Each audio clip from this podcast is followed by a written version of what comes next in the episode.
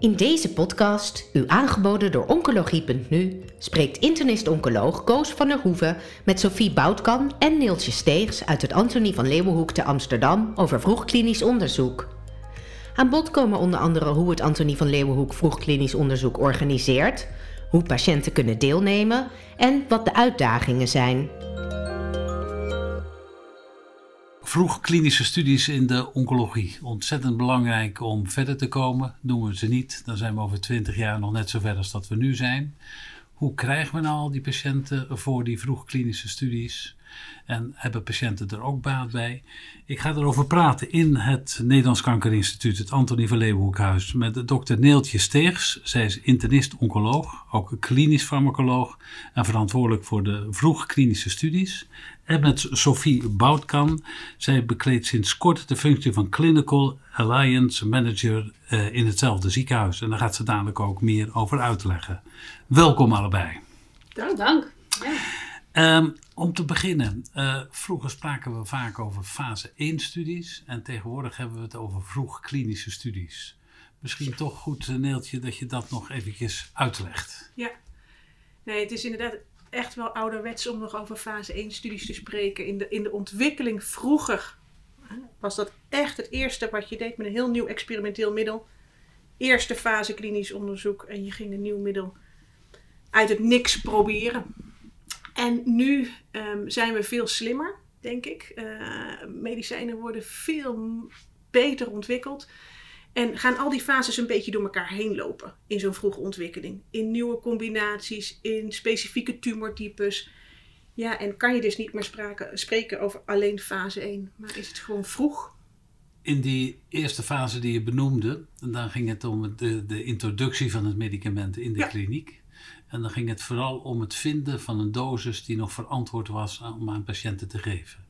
Je kon tegen patiënten eigenlijk ook alleen maar zeggen dat ze wel hoop mochten hebben, maar dat dat eigenlijk niet reëel was. Het ging echt om het vinden van de juiste dosis. Is dat perspectief voor patiënten nu ook wat veranderd met die andere benadering? Ja, dat, ja, dat denk ik wel. Um... Ja, je benadrukt denk ik nog wel het is, voor, het is onderzoeksmatig. Dus daar is, dat is het eerste doel. Dus je kan ja. patiënten, denk ik, zozeer niet beloven van verwacht een hele verbetering uh, in uw traject. Maar ik denk wel dat de studies ook nu meer gericht zijn op het eerder signaleren van een respons al. In plaats van alleen maar uh, een, een, een, middel onderzoeken. En, en dat je ziet dat de studies ook al patiënten kunnen includeren al in een eerdere lijn in de behandeling. Dus een patiënt hoeft niet helemaal uitbehandeld te zijn, maar kan al eerder voor een studie in aanmerking komen. Ja. Hoeveel fase 1 studies zijn er nou jaarlijks in het NKI? Hoeveel worden grappig. er nieuw geopend? Sophie en ik waren er net over aan het ja, nadenken. Klopt. We, we, hebben ongeveer 50 open vroegklinische studies ja. uh, op elk moment hier in het, uh, in het AVL. En daarmee denk ik dat we ongeveer 3 tot 400 patiënten per jaar uh, ja. zien. Ja. Als je nou die 50 noemt, zijn er dan bepaalde categorieën? ja, ja, en dat is dus van alles in die nieuwe ontwikkeling van medicijnen. Dat is uh, toch nog ouderwetse chemotherapie die je nieuw anders gaat inzetten. Maar ook vooral heel veel van die doelgerichte uh, medicijnen die we de ja. afgelopen wat 10, 15 jaar hebben. De meer targeted therapie inderdaad, heel specifiek. Ja. Celtherapieën, ja, hele verschillende. Je zegt dat uh, 50 studies, ongeveer 400 patiënten die daarin participeren per jaar. Um, screen je ook 400 patiënten of is dat een veelvoud? Ja, want die 400 patiënten zijn de patiënten die we ook werkelijk zien, die komen praten over wil ik werkelijk aan een studie meedoen of niet. En kan het ook. Ja. Uh, maar een deel daarvan valt af omdat ze of zelf niet willen of omdat het gewoon niet gaat. Um, um, dus het is een kleiner deel wat echt in studie gaat. Ja. Ja, en dat heeft heel erg te maken met inderdaad de criteria of een patiënt voldoet hè, aan, aan de criteria die vereist worden voor deelname aan een studie. Uh, en het is ook nog wel in sommige uh, zin best een belasting voor de patiënt. Ja. Toch dat even af. Dus patiënten zien er ook wel eens vanaf omdat ze de belasting te groot vinden. Hoe ja, vaak gebeurt het nou dat vaak. een patiënt hier komt voor een studie en dat hij zegt ik doe niet mee omdat ik de belasting te groot vind? Ja, dat ligt er heel erg aan hoeveel ze al weten en hoe ze voorbereid zijn.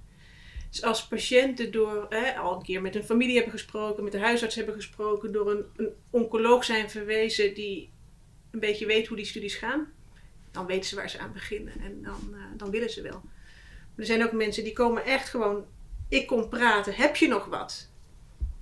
En als ik dan zeg, ja, het is wel heel experimenteel. en als we geen speciaal kenmerk in de tumorcellen vinden, dan wordt het misschien nog wel experimenteler. En dan doet het misschien wel echt alleen voor de wetenschap. En dan wordt het een ander gesprek. Ja. En er zijn ook mensen die worden echt verwezen voor, nou net wat jij noemde, net Sofie, was, uh, die, die, we hebben ook eerste lijn studies met nieuwe combinaties. Ja. Nou ja, dan krijg je dus de standaardbehandeling en dan krijg je er iets innovatief hè, nieuws bij. Ja. Nou ja, die mensen willen bijna altijd. En die vinden de belasting niet ingewikkeld. Nee. nee. Waar komen de patiënten vandaan? Ja, overal vandaan. Wel met name uit Nederland. We hebben weinig patiënten uit het buitenland. Dat moedigen we wel ook uh, niet heel erg aan. Maar uit het hele land. Van de Waddeneilanden, uit Limburg, oh Zeeland. Ja. wat dat betreft is het gunstig dat Nederland dan weer zo klein is. Ja.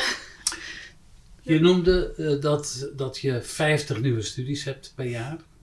Er zijn ook andere ziekenhuizen die in Nederland die vroeg klinische studies doen. Heb je daar ook een samenwerkingsverband mee? Ben je op de hoogte van elkaar? Ja, want de, de groep van uh, ziekenhuizen die dit kan doen en de groep van behandelaars is klein. Dus we maar, proberen... maar noem ze eens in Nederland. Nou, dus ik denk, hè, dus, uh, uh, Rotterdam doet, het Erasmus MC doet veel vroegklinische studies. Ja.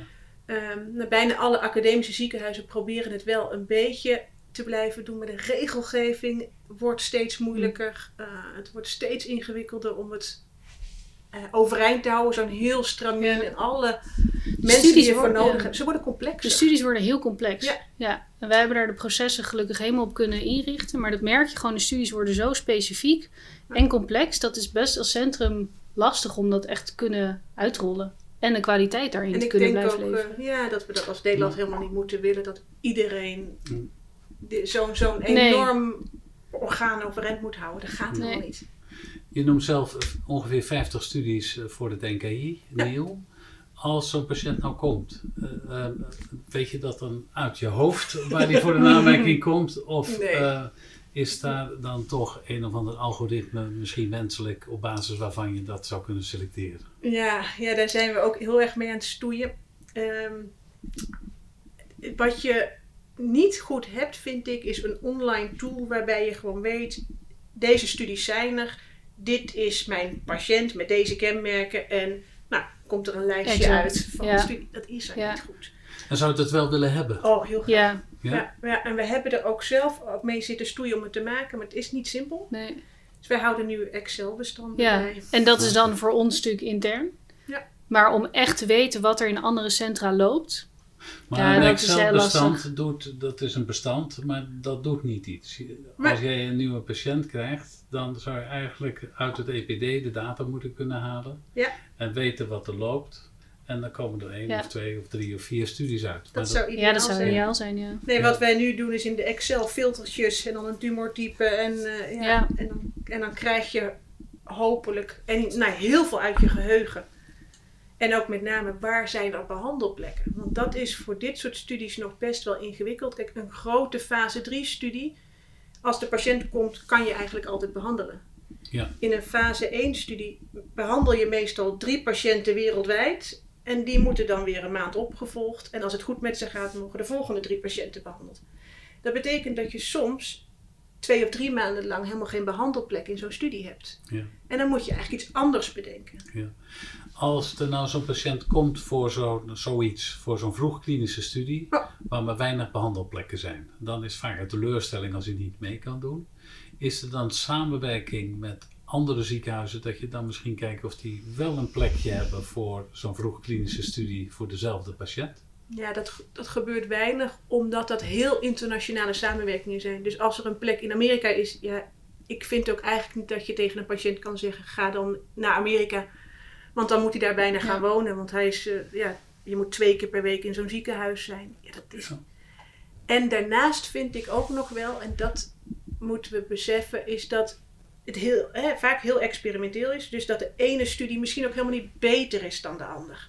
Dus als wij maar een alternatief hebben, misschien met een andere studie, met ook een ander experimenteel medicament, is het ook goed. Ja. Dus we proberen zoveel mogelijk studies open te hebben, zodat we altijd wel een behandelmogelijkheid hebben. Als je nou 100 patiënten hebt, hoeveel staan er dan in de wachtlijst voor een studie? Ja, dat wisselt een beetje. Ik denk, ehm, ja, als je 100 patiënten hebt. Ik, ik wil hem omdraaien, denk ik, want die vind ik heel ingewikkeld. Wat we meestal hebben is ongeveer 8 of 10 patiënten op een wachtlijst. Ja. En dat betekent dat ze soms langer moeten wachten dan we willen. Dus soms echt wel een week of zes of acht moeten wachten. En dat is te lang, vind ik zelf. Ja. Ja. Ja. Ehm, ja, dus over het algemeen hebben we eigenlijk altijd een groter patiëntenaanbod.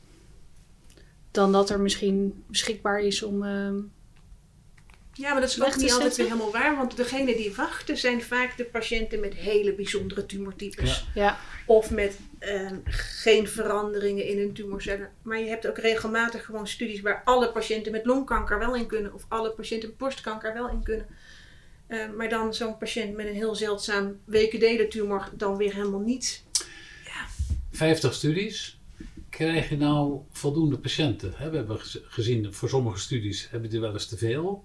Maar je wil eigenlijk zo snel mogelijk die studies gedaan hebben. Krijgen jullie voldoende patiënten? Nee.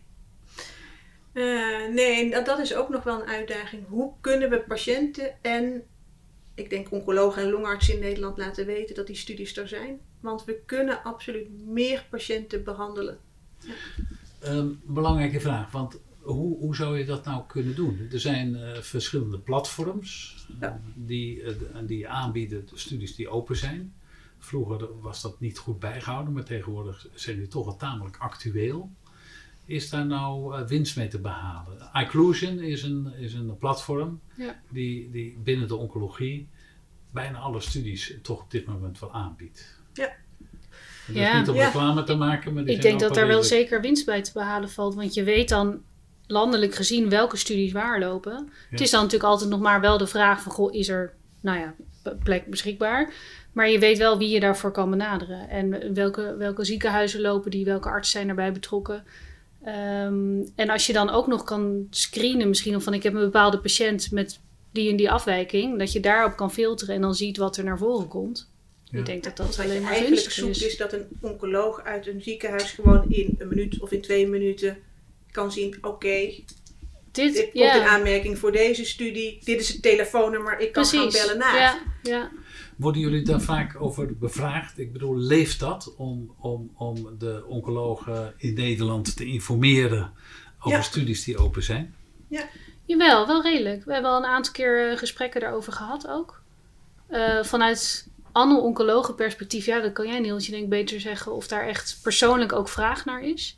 Ik denk wel vanuit ons centrum nu voor fase 1 studie versturen we ook één keer in het kwartaal een nieuwsbrief naar een hele lijst met, uh, met, met verwijzers, met alle studies die wij open hebben. daar komt ook zeker wel respons op. Dus uh, die vraag is er wel. He, maar Niels brief is goed, maar is toch allemaal nog een klein beetje ouderwets. Je wil eigenlijk online een platform hebben wat altijd open is. Misschien. En ik denk dat je een platform zou willen hebben waar patiënten kunnen zoeken. Ja. Waar patiënten, maar ook familieleden kunnen zoeken. Want die zijn degene die het hardst vaak zoeken.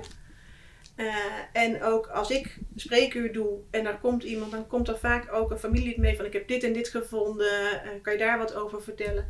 En ik kan me best goed voorstellen dat je als oncoloog in het land zit er is nu een, eh, een, een, platform ontwikkeld door het IKNL. Ja. En daar staan de studies bij die door de kanker.nl beoordeeld zijn.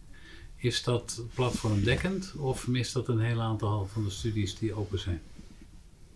Ja, eigenlijk geldt, vind ik, van al die gremia geldt dat de studies er wel goed in staan. Maar dat het daarmee helemaal niet helder is of er ook behandelplekken zijn. Ja. Uh, want die wisselen ongeveer per dag. Hè. Per dag weten we wel, nu kunnen er weer drie patiënten behandeld. En daar zitten wij dus heel erg mee, want dan moet je binnen een halve minuut ongeveer je patiënt aanmelden. En dan hoop je maar dat je een behandelplek krijgt. Ja. Dus het is ook wel echt een beetje een spel spelen. En dat vind ik altijd heel naar, want het gaat om mensen en behandelingen. Maar je bent gewoon echt. Nou, misschien moet ik het voorbeeld geven. We hadden één studie en daar mochten we patiënten aanmelden om 12 uur op donderdagmiddag. Ja. En dat was dan voor Azië en Europa, want Amerika, we hadden al een keer geklaagd, want het was elke keer midden in de nacht. Ja. En dat ging natuurlijk niet zo goed. Dus ze hadden het al gescheiden. Amerika mocht los en Europa en Azië mochten tegelijk. En dan hadden we een keer een patiënt aangemeld voor 1, 1 voor 12. Kregen we hem terug, krijg je niet. En om 1 over 12 waren we de acht, achtste in de wachtrij. Ja, ja, ja. Ja. ja. Ja, en nou, dat moet je lijkt, dan het lijkt de beurs wel. Hè? Voor Ja. patiënten is dat Ja. moeilijk eh, ver- Ja. verkoopbaar. Ja, het is heel moeilijk. Sophie, eh, ik wil even naar jouw positie. Want je, sinds kort ben jij Clinical eh, Alliance Manager bij de vroeg klinische studies in het NKI. Wat, wat houdt deze functie precies in? Dat is een hele leuke vraag die je stelt. Het is een, eh, een nieuwe functie die eigenlijk nou ja, sinds hal- iets langer dan een half jaar eh, bestaat. Ehm, en die is eigenlijk naar voren gekomen dat wij heel erg de noodzaak merkten vanuit ons eh, team, vanuit ons centrum, om te investeren in samenwerking met externe partijen. Eh, vooral omdat onze missie is van we willen gewoon de meest nieuwe en veelbelovende middelen aan patiënten uiteindelijk kunnen eh, beschikbaar stellen. Dan merk je gewoon dat het essentieel is dat je een goede samenwerking hebt met farmaceutische industrie, andere netwerken, andere externe partijen. En dat we ook mogen zorgen dat we meer zichtbaar zijn. Dat we meer onze expertise en kwaliteit zichtbaar maken naar buiten toe. Eh, niet alleen als centrum, maar uiteindelijk ook wordt besloten of studies naar Nederland komen of naar Europa komen door, nou ja, vaak een global department ergens. Meestal is dat in de US. En worden wij toch nog als een kleine speler gezien. En wij merkten heel erg de behoefte van we hebben iemand nodig die echt op die relaties gaat zitten. Dus echt die relaties gaat onderhouden, opstarten en in blijft investeren. Om uiteindelijk dus zo ook de juiste studies vooral ook. eh, Maar Nou, de relaties die zijn aan de ene kant naar eh, vaak farmaceutische bedrijven, omdat die een centrum benaderen of je een studie mee wil doen. Dat is belangrijk. De andere kant zijn die farmaceutische bedrijven alleen maar geïnteresseerd als je veel, snel patiënten Ja. includeert. En goed. En goed. Ja. En hoe is het met het goede? Het goede zit, nou ja, hier wel goed. En dat is ook wel fijn dat wij mogen als instituut wel in ons handen knijpen. En wel hard voor gewerkt ook. Maar dat we qua expertise en kwaliteit goed bekend staan. Daar hebben we een goede reputatie voor opgebouwd. Eh, maar dat moet je ook wel zo blijven houden. En nou moeten we dus zorgen dat het ook daadwerkelijk daar kenbaar wordt. En dat het op het grotere plaatje, dus inderdaad in Amerika, bij die hoofdkantoren zichtbaar wordt. Dat wij dit kunnen. Dat we die Maar hele die- vroege fase Die pharma die kunnen. wil dat je het goed doet. Die wil dat de procedures snel zijn. Ja, En die wil dat je snel de juiste patiënten weet Ja. te recruteren. ze hebben hoge eisen. En dat laatste, dat snelle en juist recruteren. Wat Ja. kan je daar nog aan verbeteren? Nou, ik denk dat, dat idealiter zou daar meer de samenwerking in op willen zoeken. Wat we ook zeggen van de, de, die vroege klinische studies zijn vaak heel selectief voor een specifieke patiëntengroep. Daar zitten dus ook hele strikte criteria aan vast. Soms kan het zo zijn dat de patiënt dan heel veel van die criteria doet en op eentje na niet. Dan mag die patiënt dus niet geïncludeerd worden. Dat zorgt voor frustratie, ook, ook hier bij ons en niet alleen bij de patiënt. En dan denken we af en toe ook wel eens van kunnen we daar niet eerder in overleg? Want wat we nu eh, volgens mij regelmatig wel eens gehad hebben, dat we toch met zo'n firma gaan overleggen van goh, kan er niet alsnog een uitzondering gemaakt worden of kan die patiënt niet alsnog in die studie? Maar ik- je hebt ook eh, patiënten die komen hier in het ziekenhuis. En dan komen ze hier en dan blijkt dat ze afvallen omdat ze niet aan de criteria voldoen. Dat geeft ook frustratie, geeft ook veel werk. Kan je niet eerder in het verwijzende ziekenhuis ook al proberen die voorselectie te maken? Ja. Ja en nee. Ik denk dat het ook heel afhankelijk is waarop geselecteerd moet worden. Als het echt. Wij doen natuurlijk ook die hele vroege moleculaire diagnostiek. Ja. Eh, daar zijn wij ja, groot in. Dat kunnen we heel uitgebreid doen. En dat is ook maar de vraag: kan dat in andere centra ook? Ehm, En ik denk dat we moeten realiseren dat wij als Nederland echt geweldig zijn in farmacologisch onderzoek. En Ja. het begrijpen van medicijnen en het verbeteren van medicijnen. En dat snelheid belangrijk is voor firma's, maar ook die input. Hè, eh, hoe kan je nou zo'n medicijn goed inzetten en hoe kan je het verbeteren? Dat is misschien nog wel veel belangrijker. ja. En dat is de reden waarom firma's naar Nederland komen en ook naar ons toe komen. Maak nou dat ik mijn medicijn goed ja, door de Ja. eerste fase van ontwikkeling heen help. En ehm, ja, om, om, om terug te komen op jouw vraag. Ik vraag me dus af of snelheid daar heel erg belangrijk in is. Ehm, ik denk ehm, dat we als Nederland korte lijnen hebben, dat we snel kunnen verwijzen. Dus je kan inderdaad in een klein of in een groter perifere ziekenhuis voorselectie doen. Maar misschien is de patiënt wel veel sneller in een studie en veel beter. Als die hier een keer kon praten. Als die gewoon kon praten. Het is dichtbij. Het is nooit ver bij ons. En dat is ook echt. Dat is echt een voordeel. Nederland. Ja. Sophie die benadrukte nog eventjes, eh, benadrukte nog eventjes dat patiënten met specifieke biomarkers uh, vooral kandidaat zijn voor, voor studies tegenwoordig. Worden die patiënten voldoende geïdentificeerd in Nederland? In het NKI wordt daar veel onderzoek naar gedaan. Er wordt uitgebreide moleculaire diagnostiek gedaan. Doen jullie standaard WGS bij een deel van de gemetastaseerde patiënten. Hoe is dat elders in Nederland? Voor verbetering van daar. ja, eens. Ja. Ja, en wij, mogen, ja, of van geluks, wij, wij, kunnen dat. Dus dat, dat helpt voor ons natuurlijk heel erg met de inclusie van patiënten. Ehm, ja, het lijkt mij voordelig als dat elders in ziekenhuizen ook kan. Maar die stap om dat zover te krijgen, daar komt heel veel meer bij kijken dan, uh, dan zeggen van implementeren. Daar. die andere landen en andere ziekenhuizen soms niet hebben. Dus daarom komen sommige firma's ook met studies en hun nieuwe medicijnen speciaal naar ons toe. Ja, dat merk je ook. Dat vragen ze ook in de gesprekken inderdaad. En dan zijn ze toch ook echt wel verrast, blij verrast dat we dat kunnen. Ja. En de kunst blijft dan een goede mix te houden met studies waarbij dat niet voor nodig is. Hè? Dat je ook de andere groep patiënten die zo'n kenmerk dan niet heeft, Precies. Ja. toch ook iets kan bieden. Ja. Uh, en nou ja, dat, dat, is ook iets wat jij natuurlijk heel erg aan het doen bent in jouw rol, is de, de mix bekijken, de goede firma's blijven benaderen. Uh, ja. Nog even als we een terugblik doen op de afgelopen tien jaar. Mhm. Wat is dan de mooiste doorbraak geweest, uh, Neeltje? Oeh, nou als ik dan, maar dat is misschien wel heel erg persoonlijk, wat ik het mooiste vind van het vroegklinisch onderzoek van de afgelopen jaren, is dat je patiënten hebt die ooit, toen ik hier begon in het AVL, aan de studie zijn begonnen met een codenummer, heel vroeg experimenteel. En dat medicijn is dan nu gewoon geregistreerd. Ben je echt patiënten mee aan het behandelen. En nou, een van mijn patiënten wordt daar nu echt al tien jaar mee behandeld. En uh, heeft er kleinkinderen zien opgroeien en uh, allemaal dingen meegemaakt die ze nooit zou verwachten. Nee. Ja, uniek. dus een deel, alle medicijnen zijn zo begonnen. Ja. Ja, dat is heel mooi. Wat zijn de doelstellingen voor de komende jaren? Dat is wat we over twee jaar bereikt hebben. Wat is er dan anders dan nu, Sophie? Nou, dat, dat we voor ons centrum specifiek hebben het streven om wel in de top mee te draaien, ook uh, internationaal gezien. En dat ehm, uh, heeft ook vooral uh, is dat van invloed op, op hoe Nederland uiteindelijk ook op de kaart wordt gezet. Ja, en het ultieme doel is gewoon, wat we eerder ook al zeiden, de ambitie dus om voor iedere patiënt in ieder geval een behandeling beschikbaar te kunnen stellen. Ja. En of dat nou al een geregistreerd middel is of niet. Of een patiënt in ieder geval kunnen laten deelnemen aan een studie. Patiënten komen uit de omliggende ziekenhuizen. Dus het is wel erg belangrijk om de omliggende ziekenhuizen daarbij te betrekken. En zo'n platform waarbij je ieder moment eigenlijk geïnformeerd bent, dat zou wel een wens zijn voor jullie. Ja, absoluut. Ja. ja. ja. Um, het laatste woord voor Neeltje. Jeetje. Nee, ja, ik, ik moet zeggen, um, als ik het laatste woord heb, dan zou ik vooral zeggen tegen iedereen: uh, denk aan de innovatiekracht van nieuwe medicijnen. Denk aan wat het kan opleveren, vooral voor de, hè, de patiënt van de toekomst.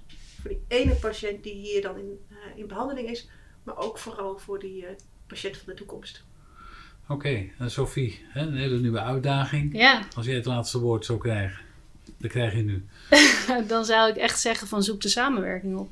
Ja. Met elkaar. Landelijk gezien, maar vooral ook gewoon internationaal gezien. En ziekenhuizen met industrie. Want daar zit vaak nog wel een, uh, een verschil tussen of, of een misopvatting. En ik denk dat we, als we dat overboord gooien en de handen in één uh, sluiten, dat we heel ver gaan komen. Nou, mooie afsluiting. Ja. Dank jullie wel. Dankjewel. Dank. Bent u geïnteresseerd in meer podcasts? Deze zijn te vinden op de website oncologie.nu.